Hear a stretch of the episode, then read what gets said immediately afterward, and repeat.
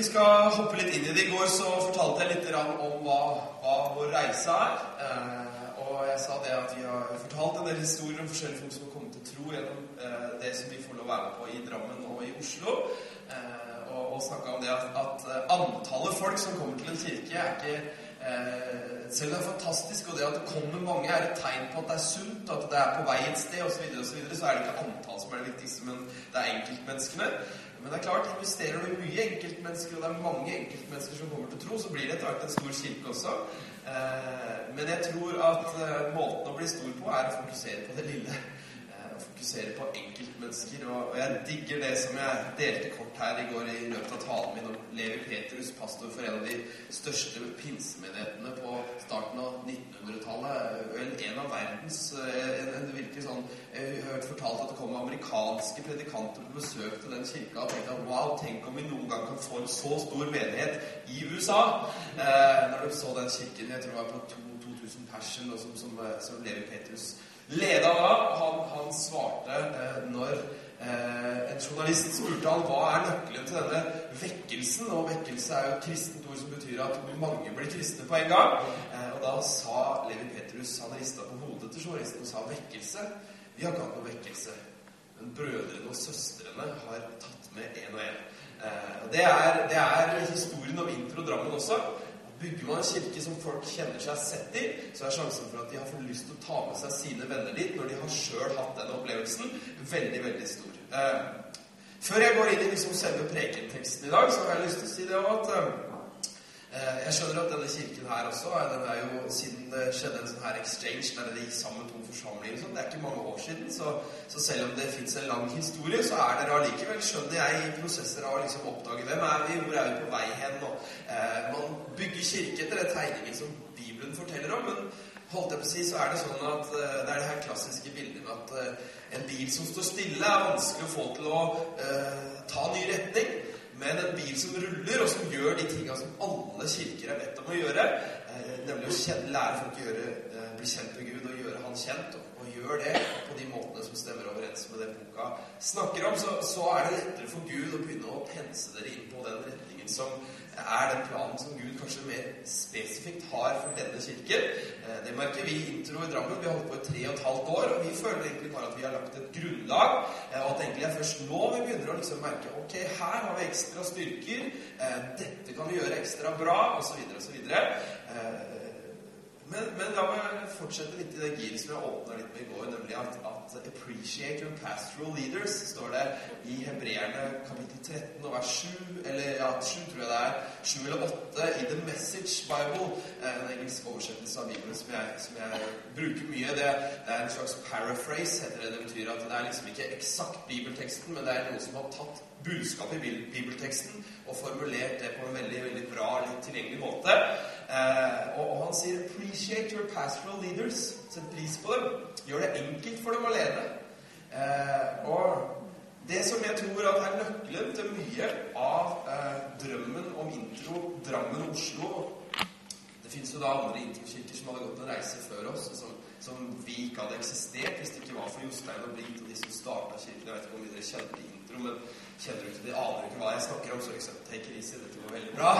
Men, men jeg, jeg, vi er en del av et nettverk av kirker, og, og, en av de viktigste tingene til at vi opplevde at det har vokst fort i Drammen, det tror jeg det er det, at, at det var fra tidlig stadium sånn at vi visste hvor vi var på vei hen. Eh, Jostein eh, og Britt og Andreas, broren som er pastor i, Drammen og Oslo, eh, satt seg tidlig ned og satt ord på drømmen om intro. Eh, og Derfor så har det vært veldig lett for folk å komme inn og vite hvor er vi på vei hen, og hva, hva holder vi på med. Eh, og det er lett å forstå at denne kirken passer for meg, eller denne kirken eh, passer ikke for meg.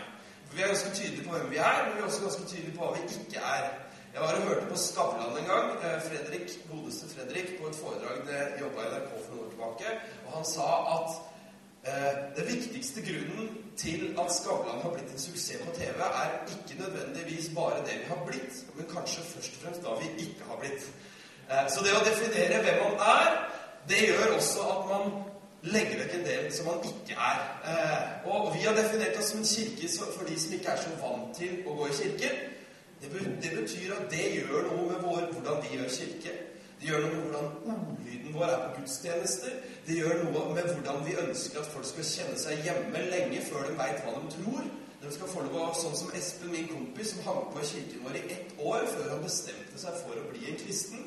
Eh, det er en litt annerledes måte kanskje andre kirker gjør det på, og det er ingenting feil med det, for, for Bibelen sier det at enhver, se, se til at enhver bygger på den måten som, som Gud har ledet dem til.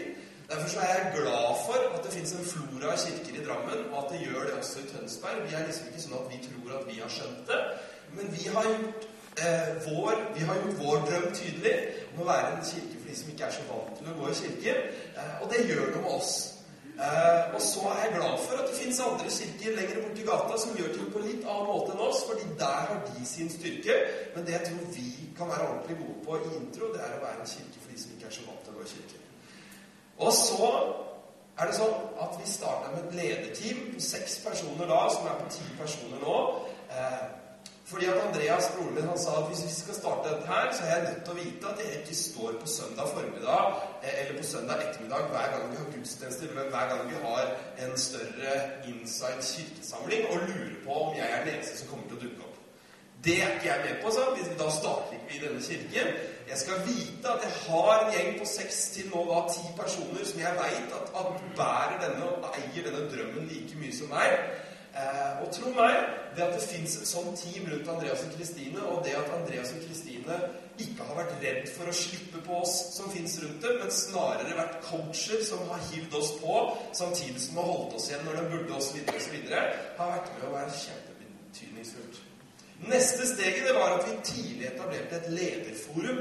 Det vil si at i tillegg til lederteamet, som var liksom det visjonære og, og, og liksom åndelige lederskapet, for å bruke sånne fine kristne ord, eh, som leda skuta, så trakk Andreas fort til seg de menneskene som vi på et tidlig tidspunkt så at dedikerte seg til dette litt på et litt høyere nivå enn andre. Det gjaldt de som etter hvert ble våre teamledere, det gjaldt de som etter hvert ble våre life-gruppe eller småfellesskapsledere. Sånn at det, fantes noen som satt kulturen. Vi sier det i intro at vennene, dvs. Si dem som kommer innom, som lurer på hva intro er, de eh, opplever kulturen. Partnerne, eller de som er medlemmer, de som sier at 'dette er min kirke', de lever kulturen. Mens vi sier at de som er med i Lederforum, i Intro i Drammen og Oslo og alle kirkene rundt omkring i Norge, de setter kulturen. Det vil si at det finnes en gruppe med mennesker som har drømmen under skjorta holdt jeg på si, like stor grad som oss som er i lederteamet. Det vil si at hvis vi har definert i vår visjon, hvilket vi har gjort, at vi ønsker å være en kirke som bygger på gode relasjoner, der folk kjenner seg velkommen og inkludert, så betyr det så konkret at hvis det står i visjonsmanualen vår, men ingen opplever å bli hilst på når de kommer inn døra på gudstjeneste, vel, da oppfyller ikke vi den drømmen som Gud har lagt på vårt hjerte. Og Det finnes da et lederforum som har fått høre at det finnes forventninger på deg som en leder i intro til å leve kulturen, til å sette kulturen. Ikke til å vente på at noen inkluderer, men å være den som setter eksempler på hva det vil si å åpne sitt hjem og inkludere nye mennesker. Um, og De periodene vi ser at lederne har fokuset høyt og, lever i den drømmen, så skjer det veldig bra ting. Og så er det sånn at som en pastor, som en leder, så er egentlig ofte jobben vår det er å oppmuntre positiv kultur, eller det som stemmer overens med bildet vi har, drømmen vi har for kirke. Og så er det å adressere den type kultur som vi ikke har sansen for. Så hvis vi merker at folk begynner å bli mindre og mindre flinke til å åpne sitt hjem for nye mennesker, hvis vi merker at folk ikke skaper den atmosfæren som vi drømmer om, så er det et tegn på at da må vi ikke Vi er ikke sinna eller ikke, vi er ikke vanskelig på den måten. Vi, vi har, altså, det fins mange kirker her der liksom man har en eller annen sånn psykopatpastor som, som gir jernet hver eneste ledersamling, så folk sitter med bakoversveis. Men vi er likevel oppmuntrende. Vi sier vi motiverer aldri med pisk, men vi motiverer til å løfte perspektivet på hva man kan være på hvis man er og bygger etter det bildet som vi har. Og da har vi sagt veldig tydelig at det bildet er ikke noe som noen pastorer har. eller sånn som det. Så broren min sier alltid det. Hvis noen kommer til meg og sier 'Jeg støtter din visjon, Andreas', det er veldig flott at du har den drømmen, så sier Andreas hvis du, hvis du vil kalle deg leder i denne kirken, så handler det ikke om at du støtter min drøm. Men det, det som er dealen da, er at du må eie den drømmen i like stor grad som meg. All right. Dette er ikke det jeg hadde tenkt å snakke om, men eh, da fikk du den gratis. Skal vi se ja, da, da får vi begynne å preke litt, da. Går det greit på morgen? Veldig bra. Vi skal åpne Bibelen eh, i Matteus kapittel nummer 28. Relativt kjente vers. Eh, og vi skal lese fra vers 18 til 20, og vi skal lese fra eh, denne eh, ungdomsbibelen, fordi at ordlyden her, den liker jeg, og den setter ord på en del av det som fins på hjertet mitt for det jeg skal si til dere. Det står her Da gikk Jesus bort til dem, disiplene, og sa Jeg har fått all makt i himmelen og på jorden. Hvem er det som har all makt? Det er Jesus som har all makt i himmelen og på jorden. Gå derfor ut til alle folk og gjør dem til mine disipler. Si disipler. Disipler. Ja, si disipler, da. Disipler. Fint, da. Da må vi må jo sørge for at du er våken her. Døp dem til fellesskap. Si fellesskap. Døp dem til fellesskap med Far i himmelen, Sønnen og Guds hellige ånd. Og lær dem å leve på den måten jeg har undervist, om, undervist dere om. Lær dem å holde alt jeg har befalt dere, sier eh, den mer holdt jeg på å tradisjonelle oversettelsen. Og husk på at jeg alltid er med dere helt til tidenes slutt. Takk, Jesus, for ditt ord. Det er alltid bra. Det er solid. Det skaper noe i oss når vi snakker om det, og når vi hører det, og når vi leser det. Takker deg for at eh, jeg skal slippe å be for at den skal ha en god dag, men jeg takker deg at du kan hjelpe meg å si noe ut fra disse ordene som gir mening for denne kirken, og som tar dem i en bra retning, i retning av de drømmene du har for denne kirka. Ikke fordi at de skal gjøre det samme som oss, men for at du skal lede dem på vei til å oppdage det bildet du har for denne kirka, helt spesifikt, Gud. Eh, Jeg så glad for det vi fikk til å være med på her i går og se så mange mennesker komme med deg. Jeg ber om at det jeg snakker om i dag, skal være med og inspirere oss til hvordan vi kan ta en sånn bestemmelse videre og hjelpe mennesker til å bli en etterfølger av deg. Amen, sa folk. Amen. Det betyr la det skje. Det er veldig bra. En, ting, en del av det å, å bygge en kirke for de som ikke er så vant til å gå i kirken, det er at jeg passer på å forklare mye hva vi sier. Eh, fordi at eh, vi som har trodd på Gud lenge, inklusiv meg selv, vi bruker en del ord og uttrykk som ingen skjønner på utsida av våre kirker. Det betyr ikke at det ikke er kraft i en del av de uttrykka. Skal vi slutte å snakke om Jesu blod? Nei, vi skal ikke det, men vi skal forklare folk hvorfor vi snakker om blodet til Jesus. For ellers kan det virke ganske sprøtt for en person som aldri har gått i kirken. Jeg satt ned med en som har blitt kristen i løpet av de siste åra, og han hadde begynt å lese Bibelen, og så sier han jeg skjønner det med Moses, det er helt greit. Det, den liksom starten de første bøkene, det skjønner jeg. Men Ester, hvem er Ester, sier han. Hva gjør hun for å ha fått en egen bok? Og ja, Det er ikke sikkert du syns det var morsomt. Jeg syns det var rasende festlig. For jeg tenkte at her, er det, her sitter jeg overfor en fyr som ikke aner hva dette er snakk om. Og Hvis jeg begynner å snakke om blod og ild da, så skjønner ikke han kart. Men jeg kan godt få lov å fortelle om hva det vil si, og vi snakker om hva som fins av kraft i blodet. Fordi at det er fantastisk å høre om sannheten om hva som skjedde når Jesus døde på korset, hva, hva som fins i kraften i det han gjorde. Men, men la oss liksom forklare hva amen betyr, for det veit ikke folk hva det betyr. All right, den fikk du òg gratis. Veldig bra. Jeg skal lese litt fra eh, visjonsmanualen, eller ledermanualen for oss i intro. Eh, så håper jeg du kan la deg inspirere av det. Eh, og så eh, har Gud en egen, egen ordlyd og en egen DNA for denne kirken. Men, men det er lov å la seg inspirere av hverandre, eller hur? Fint å ha tre stykker som syns det. Å forandre vår verden, sier vi at vårt oppdrag er. Forandre vår verden. Det syns jeg alltid er koselig eh, og gøy på en, en mandag morgen å våkne og tenke at jeg eksisterer for å forandre verden. Det er veldig kult. Forandre vår verden ved å være en sunn, relevant og Kristussentrert kirke i stadig vekst, som hjelper mennesker til å elske Gud, elske mennesker, vi kan også si elske Kirken og elske livet. Wow! Jeg blir inspirert på en norsk måte. Oi, det var inspirerende. Vi ser en stor og ekspanderende kirke, sier vi i vår første visjonsretning. Full av kraft og energi som gjør Gud synlig i sine omgivelser. En modell for hvordan kirke kan se ut i en ny tid. Det drømmer vi om. Vi ser en kirke med Jesus Kristus som sentrum. En kirke som i ett og alt peker på Jesus som livets midtpunkt, og som derfor på alle områder preges av hans mirakelliv og atmosfære. Vi ser en kirke der stadig nye mennesker kommer til tro og får sine liv forvandlet ved det enkle og kraftfulle evangeliet, de gode nyhetene om Jesus Kristus. Menigheten skaper møteplasser der det er enkelt for dagens mennesker å forstå og erfare Guds grenseløse nåde og kjærlighet. Vi ser en kirke som prioriterer vekst og utvikling gjennom personlige relasjoner. Der kristenliv praktiseres ved å dele livet i hverdagen. Menigheten fungerer som en stor familie hvor mennesker blir inkludert og får blomstre i et miljø av ærlighet, tro, oppmuntring og sjenerøsitet. Dette er fire av, av 12 eller 13 drømmesetninger vi har for kirka vår. og Hvis du liksom har lyst til å kikke mer på, på det, så fins det Det ligger på Internett på, på intro.co eller introdrammen.no. Eh, kan du gå på Om oss og lese flere av de setningene. Jeg leste disse setningene spesifikt fordi at jeg tror at det fins en sammenheng mellom de ulike setningene der. I første setningen sier vi at vi ser en stor ekspanderende kirke full av kraftenergi som gjør Gud synlig i sine omgivelser. En modell for hvordan kirke kan se ut i en ny tid. Hvordan blir en kirke stor og ekspanderende? Jo, det blir fordi at Jesus Kristus er sentrum. Og fordi at kirka preges i ett og alt av hans mirakelliv, det og dens atmosfære. Når man har Jesus som sentrum, får man en kirke der stadig nye mennesker kommer til tro og får sine liv forvandlet av det kraftfulle og enkle evangeliet om Jesus Kristus.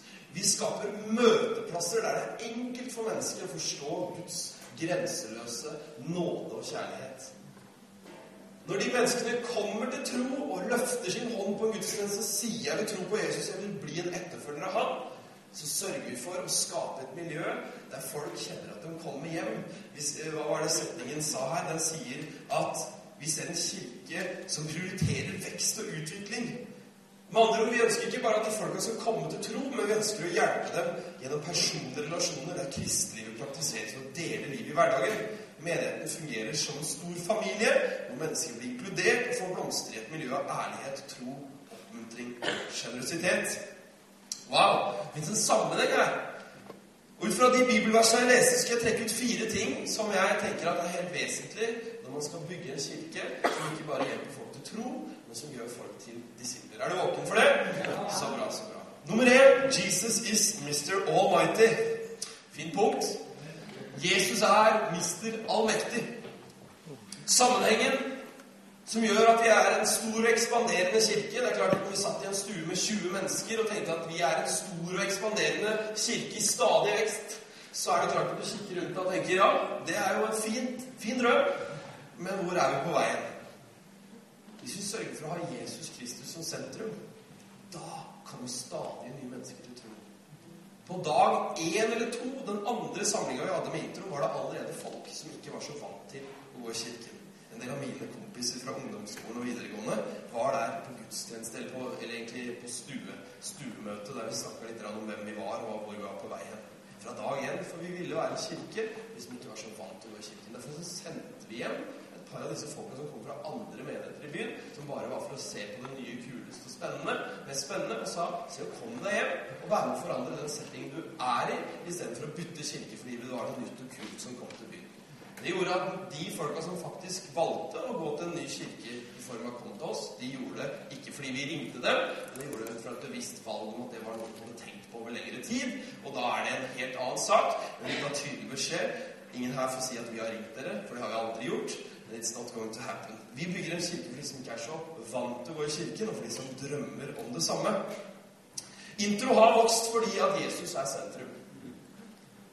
Et krystallklart, enkelt, ureligiøst, usminka Jesusfokus.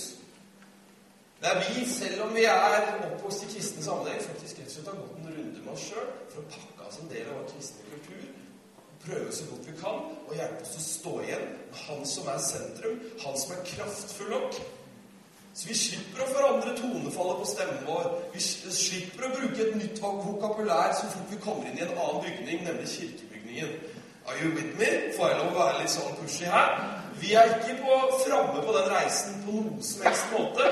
Og vi ønsker ikke å bli en transparent kirke, men vi ønsker så godt vi kan. Og noen ganger så havner man i en grøft, og andre ganger i en annen grøft. Så liksom Don't think that I think that we got it all straightened out. Ok? Fin svelgekengelsk for deg som ikke skjønte det. Vi har ikke alt på stell, men vi lengter etter å gjøre alt vi kan for å prøve å pakke vekk det rundt, sånn at det folk sitter igjen med, det er Kristus. Kristus i oss, håpet om herlighet. For han er den som kan gjøre langt mer enn det vi ber om og forstår. Han er den som kan gjøre langt mer enn vi ber om og forstår. Matteus 16, 18 er historien om når Peter virkelig får en oppdagelse av hvem Jesus virkelig er. Og da sier Jesus til Peter at du er klippen, og på denne klippen vil jeg bygge min menighet. Dødsrikets porter, alle onde krefter, helvete, skal ikke ha makt over den kirka. Hvorfor det?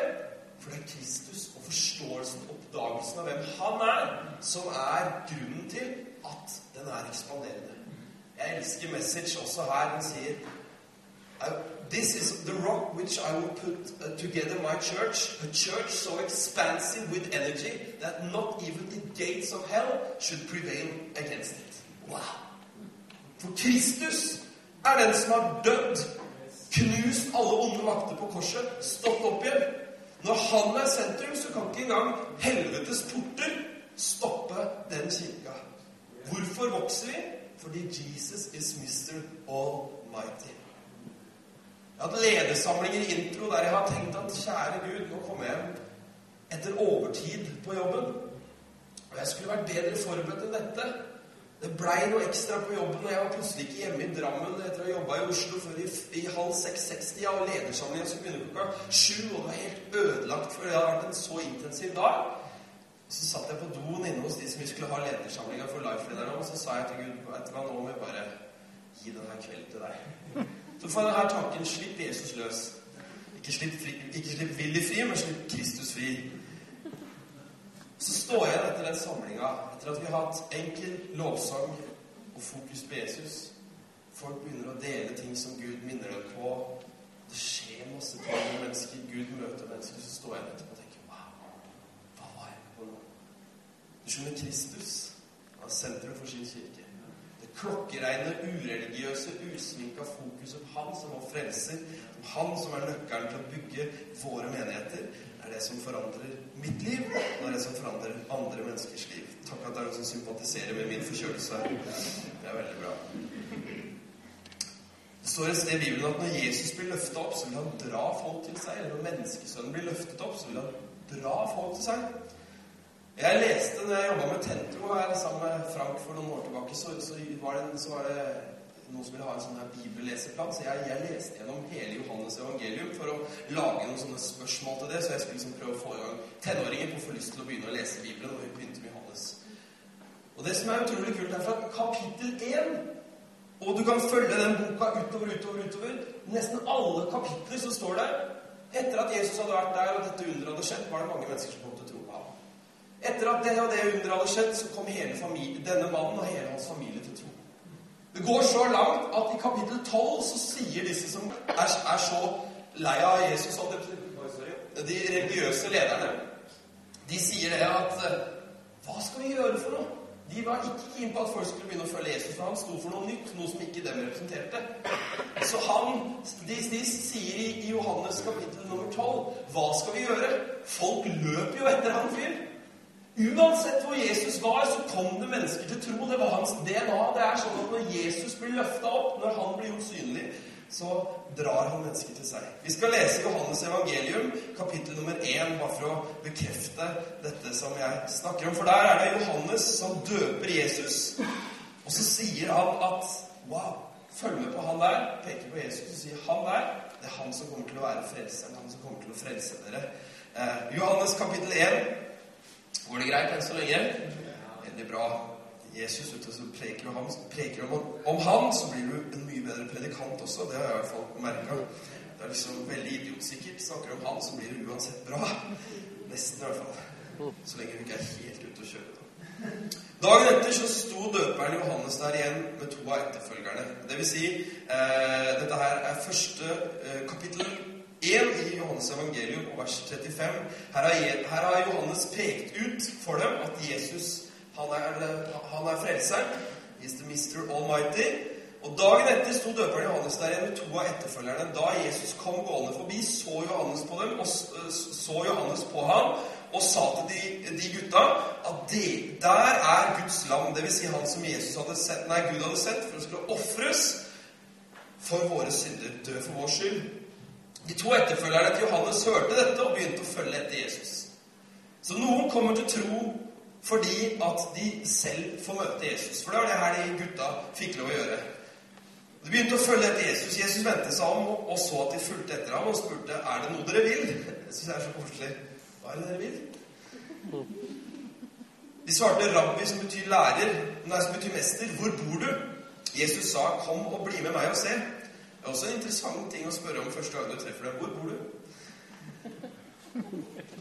De gikk med ham til stedet der han bodde, og klokka var rundt fire på ettermiddagen da de fulgte med, og de ble hos ham hele kvelden. Den ene av de, de, to som hadde hørt det Johannes sa, og senere fulgte etter Jesus, var Andreas, Simon Peter, sin bror. Det første Andreas etterpå gjorde, var å lete opp sin bror Simon. Som andre ord, han har selv fått møte Jesus. Og det første han får lyst til å gjøre, når han har møtt denne fantastiske Jesus, det er å ta med han til broren hans. De fant han og sa, 'Vi har funnet Messias, den lovende kongen.' Messias betyr den som er salvet. Han tok med seg eh, broren til Jesus. Jesus så på Simon og sa, 'Du er Simons sønn av Johannes. Du skal få navnet Peter, som betyr klippen.' Med andre ord, noen får møte Jesus fordi de selv får møte ham. Andre får møte Jesus fordi noen har møtt ham og inviterer dem med til å møte ham. Første Andreas etterpå gjorde, var å leke Skal vi se, ja, litt lenger ned havna vi her. Dagen etterpå tenkte Jesus å gå til Galilea. Da møtte han Philip og sa, 'Kom og bli min etterfølger'. Philip var fra Betzaida, som Andreas og Peters hjemby. Philip, eh, som andre ord, noen møter Jesus, noen får møte ham fordi andre forteller, mens noen får møte ham fordi Jesus rett og slett møter opp og bare spør dem rett ut. 'Vil du følge meg?' Philip valgte å gjøre det. Og hva skjer når Philip får møte Jesus? Jo, Philip gikk for å lete opp Natanael. Ser du hvordan det her funker? Ser du hvordan en kirke kan vokse når Jesus er sentrum, når vi hjelper folk å møte ham, Det er det første du har lyst til å Det her må noen andre få lov å oppleve. Det her må noen få lov å smake på. Og så sier, eh, sier Philip her vi har funnet den mannen som Mosloven og profetene skriver om. Han heter Jesus, er sønn av Josef fra Nasaret. Nasaret! utbrøt Nathanael. Kan det komme noe godt fra Nasaret? Det sier alltid om Drammen. Og Drammen? Kan det komme noe bra fra Drammen? Kom og undersøk selv, svarte Philip. Så det får være min oppmuntring til deg også hvis du er i området en, en søndag. Da Jesus så Nathanael nærme seg, sa han, se der, her kommer en ærlig og oppriktig mann, en ekte israelitt. Det er typisk Jesus. Han ser enkeltmennesker, og han bekrefter dem. Det er noe å følge med på. Så står det her, kommer vi til det som er poenget mitt. Hvordan kan du kjenne meg? undret Nathanael. Jesus svarte, jeg så deg. Si, jeg så deg. Jeg så deg. Jeg så deg under fikentreet før Philip fant deg. Da utbrøt Nathanael, 'Mester, du er Guds sønn, Israels konge.' Jesus sa til ham, 'Tror du dette bare fordi jeg sa at jeg så deg under fikentreet?' 'Du kommer til å se større bevis enn som så', sier. Hvorfor tar jeg leser denne den teksten? Jo, for du ser det, at det er Jesus blir løfta opp. Det var Johannes døperen som sa om han, følg med på han der. Han kommer til å forandre ditt liv. Det er han som kommer til å frelse dere. Begynner én etter én å følge Jesus. Og ettersom de selv får lov å oppleve ham, er det første de gjør, er å si Wow, jeg vil ha med meg en til. Kom og møt broren min. Kom og møt kompisen min. Så kommer Jesus og møter han meg, og så ser han den. Er ikke det litt sannheten? At grunnen til at vi er kristne i dag, det er fordi noen så oss. Er du ikke enig? Vi hadde ledersamling her med lederteamet i Intro Drammen, vi hadde en runde der vi satt og snakka om hvem er den ene personen i ditt liv som er grunnen til at du er en kristen i dag. Ja, men Kanskje for mange var det absolutt flere, men aller de aller fleste visste at det er én eller to mennesker som er grunnen til at ikke jeg bare tilhørte en kirke og ble borte igjen, som dessverre mange andre, men det var fordi én så meg. Broren min han satt som en litt uh, usikker fyr. Ikke usikker, men han følte ikke at han akkurat var den neste ungdomspastoren i byen. Mens Philadelphia Drammen leita etter en ny ungdomspastor. og De hadde leita overalt og ringt alle disse som preker på konferanser, som er det klassiske greia vi gjør når vi skal finne nye ungdomsledere i våre kirker. Uh, og så så kommer Jostein Krogedal, som var pastor på besøk, og så sier han hva leiter dere etter? Han fyren som dere leiter etter, han sitter jo rett der. Dere har jo han i huset. Hvorfor lurer dere på det? Og så blir Andreas ungdomspastor her. Det er en story for seg. Og på det tidspunktet så ante ikke vi at det en gang skulle bli vår, vår liksom, han som vi har som som, som vår pastor. Men Andreas sa av Jostein at han var den første kristne lederen som ikke bare spurte meg om hvordan det sto til med mitt åndelige liv, men som lurte på hvordan jeg virkelig hadde det. Wow! Ganske interessant at dere har vært i kristen menighet hele livet sitt. Så er det ikke helt sant, sikkert sant at, han var den første eller eneste, men det var noe spesielt med at noen så deg sa, akkurat som Jesus sa til Nathanael Wow, du er en bra type. Du er en sann israelitt. Eller du er, du er virkelig en bra drammenser. En utrolig bra gutt fra Tønsberg. Deg vil jeg tro på. Han så den ene. Det er helt avgjørende. Og nå tenker jeg at når vi ser folk gi respons på Frelsesbyen, så er det jo Vi hadde 13 eller 14 tenåringer, det er kanskje en voksen også inne i bildet der, tror jeg, som gjorde bestemmelse for Jesus fantastisk. To be honest with you, I've seen it a lot. Hver søndag inn til Oslo inn til Drammen, nesten hver eneste søndag, så har vi sett folk komme til tro og gi respons på frelsesbevegelsen. Vi har til og med tatt mange av dem i handa, gitt en bibel til dem, gitt dem gode tips og invitert dem med i life-gruppen. Men vi har innsett det, at det er ikke det Gud først og fremst har bedt oss om. Det er en start. Så ok, det er noe han absolutt har bedt oss om, å invitere mennesker til å ta imot Jesus. Men det han har befalt oss, det er å gjøre disipler. Så det å hjelpe folk til å gi respons på Guds kjærlighet i en gudstjeneste, det er en fantastisk start. Men det Jesus har bedt oss om, det er å gjøre disipler. Han har bedt oss om å lære mennesker å holde alt det som eh, han har befalt oss. Vi sier det i oppdragsbeskrivelsen til intro at vi ønsker å eksistere for å hjelpe mennesker til å elske Gud fordi han har elska dem først. Elske mennesker fordi når du får erfare Guds kjærlighet, så begynner du å elske andre. Elske Kirken fordi det Gud holder på med i 2012, det er å bygge sin menighet på jorda. Det er du og jeg som er kroppen. Kristne som tenker at jeg, liker, jeg liker eh, Jesus, men jeg, jeg, ikke så fan av Kirken. Da pleier broren min å si det er samme som at jeg skulle sagt til kona mi at jeg syns ansiktet ditt er vakkert, men kroppen din, den, er, den klarer meg uten. Dere er litt religiøse. Kom an, le litt, da. Dere er ikke religiøse, dere er bare litt trøtte, sånn som meg, så Let's be honest. Men eh, det er noe med det. Det går ikke an å, det går ikke an å digge Jesus, men å si at jeg klarer ikke en kirke. Ja, er det mange som blir såra og skuffa i kirke? Ja. Er du der lenge nok, så blir du det. Så enkelt er det. Kirken ble uperfekt den dagen du og jeg steppa inn i rommet. So that's the way it is. We're gonna get hurt. But that's not what, it's all about. Det handler om Jesus Kristus, og det handler om å være med og bygge hans kirke. Og vet du hva? Har, du, noen såra deg, så prat med noen om det. Få sagt, be, Si ifra til noen som har såra deg. Jeg, vet hva, jeg trenger å prate med deg. Du har såra meg. Kan vi, kan vi snakke sammen? Kan du si unnskyld? Bla, bla, bla. Get over it. Det er det viktigste. Er at vi, vi bygger kirka. og at vi hjelper mennesker til å elske Gud, elske mennesker, elske kirken og elske livet. Vi er kalt til å hjelpe mennesker til å gjøre mer enn å høre våre gode prekener. Det første Jesus gjorde når disse gutta ville følge ham, det var å si De spurte hvor bor du? Ja, jeg må se, da. Bli med hjem til meg. Han holdt ikke bare gode prekener, men kjennetegnet for Jesus det var at han knytta en del mennesker nær til seg, som han sa ikke bare kom og hør prektene mine, men kom og se på livet mitt. Kom og bli med meg når vi skal spise litt mat her etter gudstjenesten. Kom og være med hjem til oss og se hvordan vi gjør livet. Er vi en perfekt familie? Er det fryktelig rotete i stua? Ja, det er det. Skal jeg si deg en ting? 99% av alle jeg har møtt, de driter i om det er rotete i stua di, de setter stor pris på at det får lov å komme hjem til deg etter gudstjenesten og se at Magnar og meg og andre som står på talerstolen, bare kan holde gode prekener, men du kan åpne livet sitt. Leve åpne og ærlige liv. Message sier i eh, de kjente versene i, Matteus kapittel 5 de kjente versene. Kanskje kan være du ikke har lest Bibelen, så det kan være ikke ane hvor det står hva som står. Det aner at det er et par folk som har lest litt av Bibelen her i dag. Og står det Keep open house. Be generous with your lives. By opening up to others, you'll prompt people to open up with God. Ved å være åpen og sjenerøs med livet ditt. Det står ikke engang at du må si noe.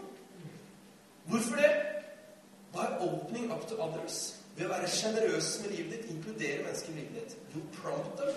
Du, så kommer det, det kommer og kommer. Diana, en jente som eh, hadde et barn i samme barnehagen som kona til broren min. Hun ble kjent med Kristine, som er kona til broren min, og ble invitert med på en lunsj. Disse jentene prata om alt mulig annet. Om interiør og om hvor koselig det var med kaffe og alle mulige ting. Det var jo som at Diana måtte løfte opp hånda og spørre du, dette med kirkegreiene, hva er det for noe?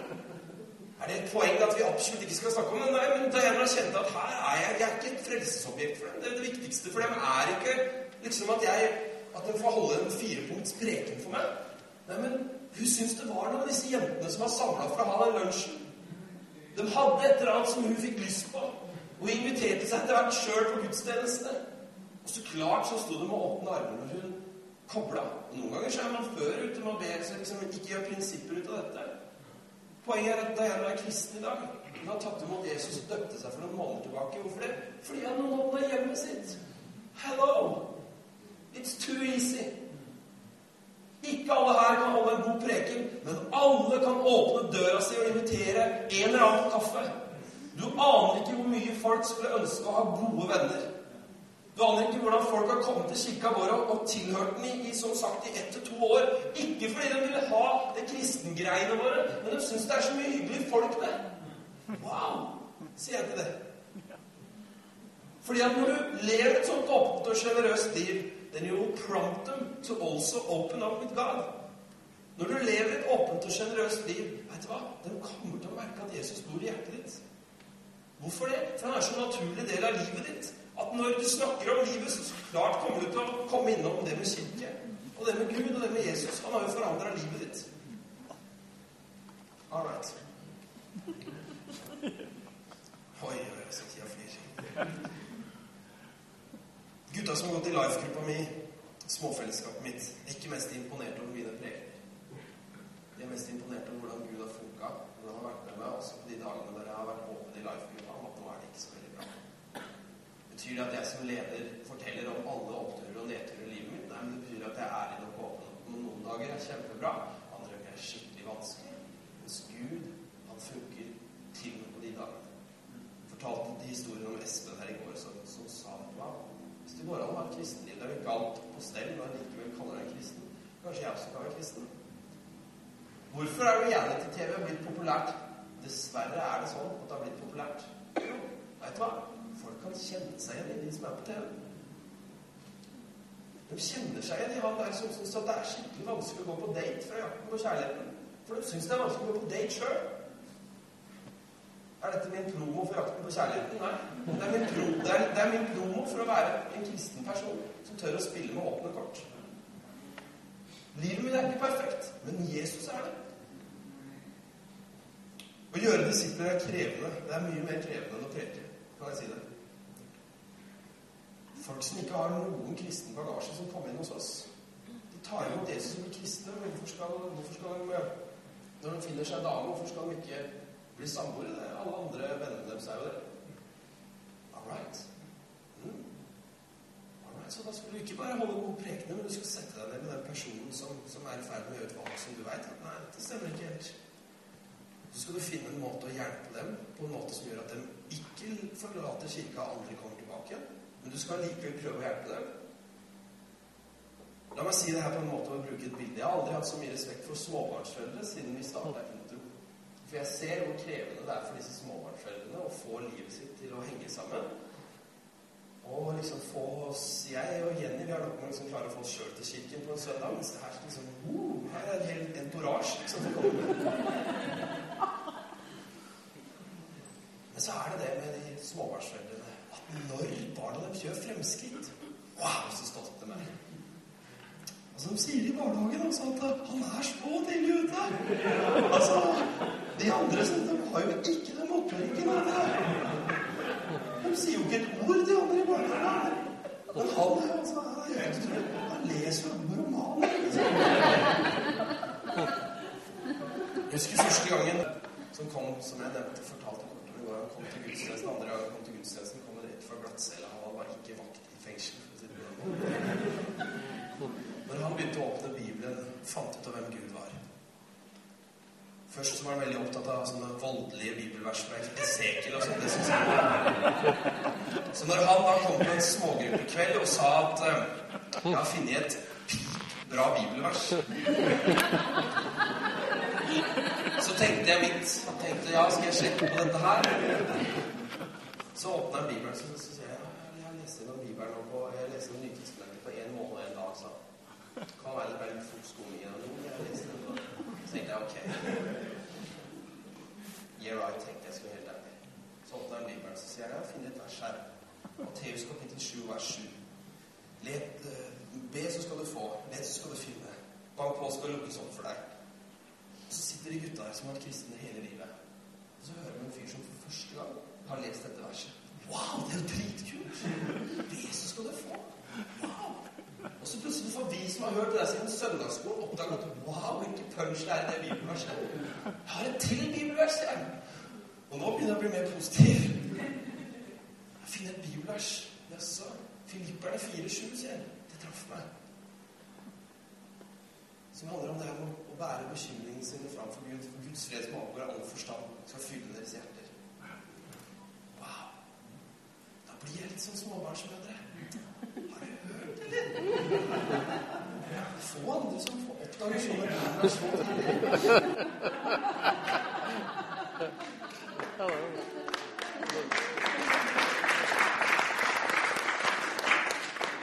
vet at de folka som fortsatt er der, som har blitt frelst av de kanskje 50-60 menneskene som har kommet til tro, og ikke bare løfta en hånd, men gjort et konkret valg, så vet vi at de kanskje 40 av de, og de 30 som har døpt seg De som er der, det er fordi at én sånn Den ble ikke bare del av en life-gruppe, men Benge, han så Robin.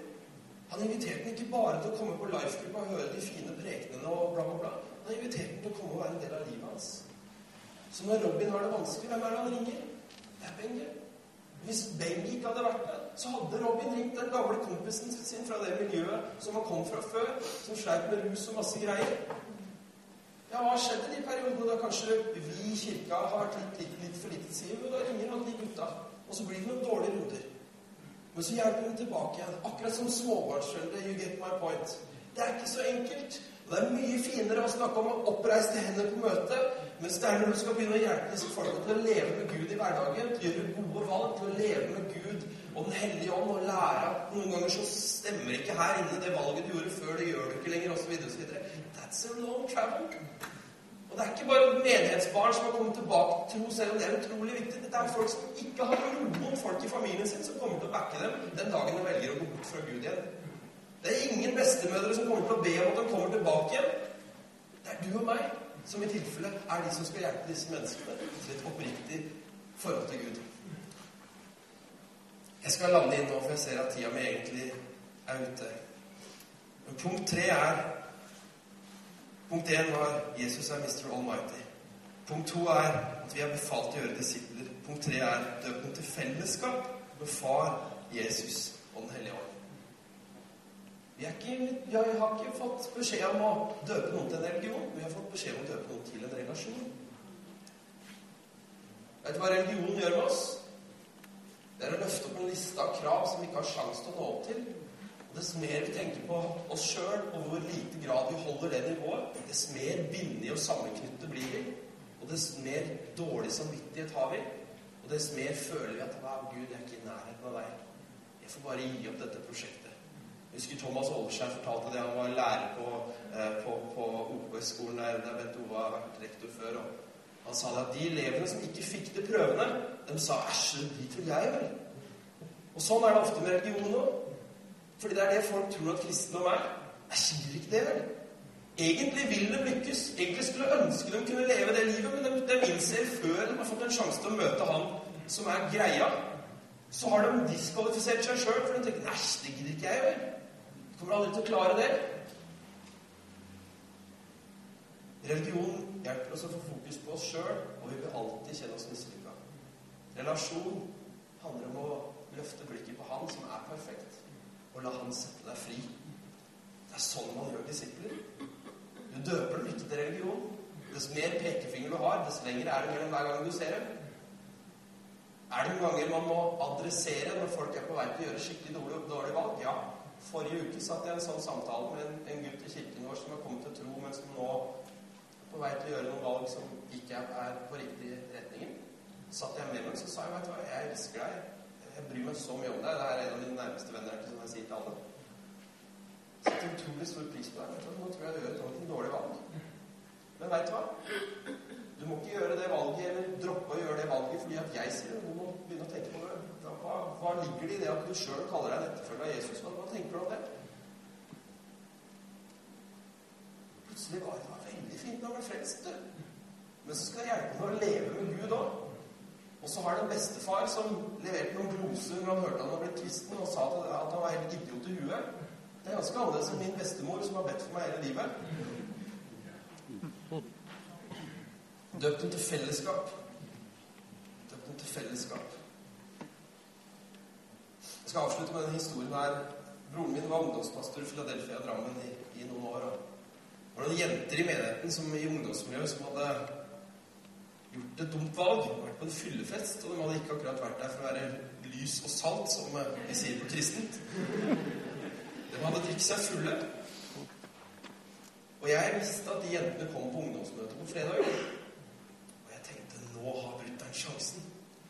Nå blir det grillfest. Nå skal han smøre de folka opp til veggen og forklare dem i alle dager hvor dumme de har vært, og hvor synd det var, det de gjorde.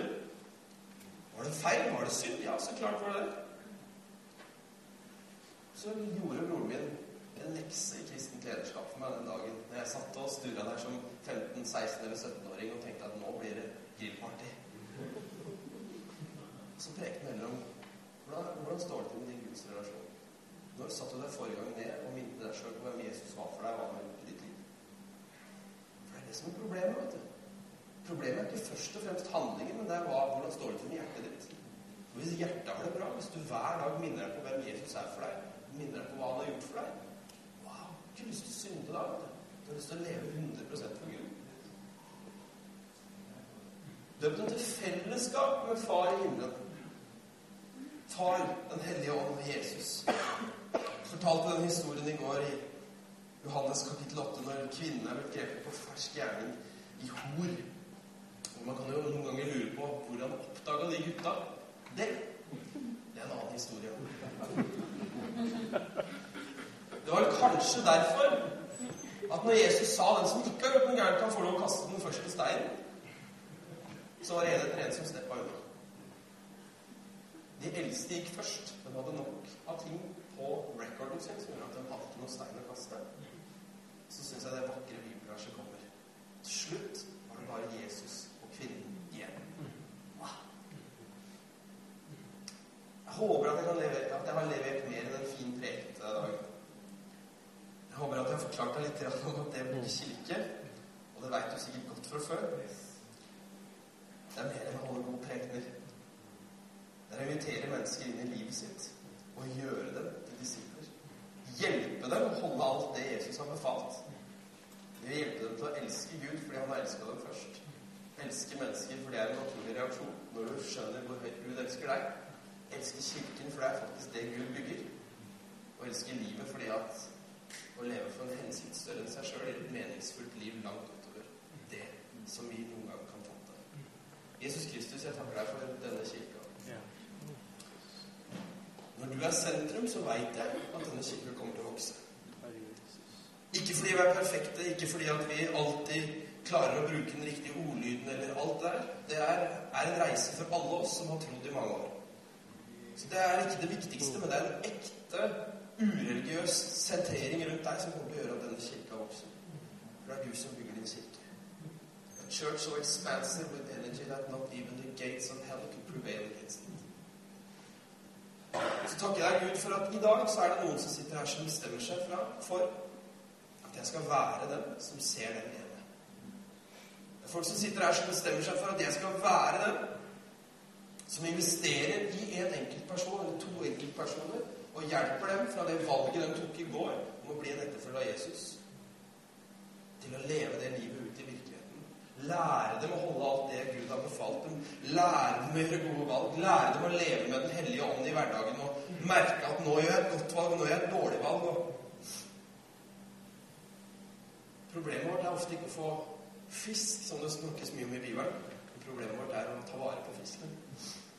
Jesus Kristus hjelp oss å ta vare på dem. Hjelp oss å hjelpe dem inn i et liv med deg. Og vet du hva, da veit jeg så godt at det er ikke hippe og tøffe andre ungdommer disse folka trenger. Selv om det er fantastisk når disse ungdommene er forbilder for hverandre, eller disse nye menneskene som kommer til tro som ikke er ungdommer, men, men, men de trenger ikke nødvendigvis en eller annen hipp person eller bla, bla, sånn som vi ofte kan tro at liksom, hvis bare han hadde pratet med han kule fyren der, eller hvis han bare hadde truffet hun jenta der, så hadde det vært noe. Men, men du, det er ikke sånn det funker. En gammel bestemor som bryr seg, og som investerer i en ungdom, kan være det beste du kunne få. En, eh, en voksen person som ser dem investerer i dem, og, og sier ikke bare 'kom og hør prekenen min', men vær med meg hjem. Se hvordan jeg lever livet mitt. Still meg de spørsmålene du har. Vit at det er meg du kan ringe når, har, når, du har det vanskelig. Vit at det er meg du kan ringe når du har det bra. Jesus Kristus, jeg takker deg for at du skal rett og slett gjøre en del folk her til sånne mennesker. Keep open house. Be generous with your lives. By opening up to others, you prompt people to open up with God. På samme måte, Jesus, som du gjorde disipler av folk som ikke hadde kommet på gudstjeneste og løfte hånda si. På den samme måten skal de her folka åpne sine liv og sine hverdager for folk som ennå ikke går i kirken. Og du skal se at folk kommer til tro lenge før de har kommet til menighetslokalet. Fordi at når de er nært på disse menneskene som lever naturlig og ekte med deg i hverdagen, ikke later som at alt er perfekt, men er ærlige om at du er perfekt, så kommer mennesker i deres nabolag, på deres skoler på deres jobber får lyst på det de har, og spørre hva kan jeg gjøre for å få tak i det som du har i livet ditt. Hellige Ånd, jeg ber om ledelse til å møte mennesker på den måten, så vi kan bygge kirker som hjelper nye mennesker til å elske deg.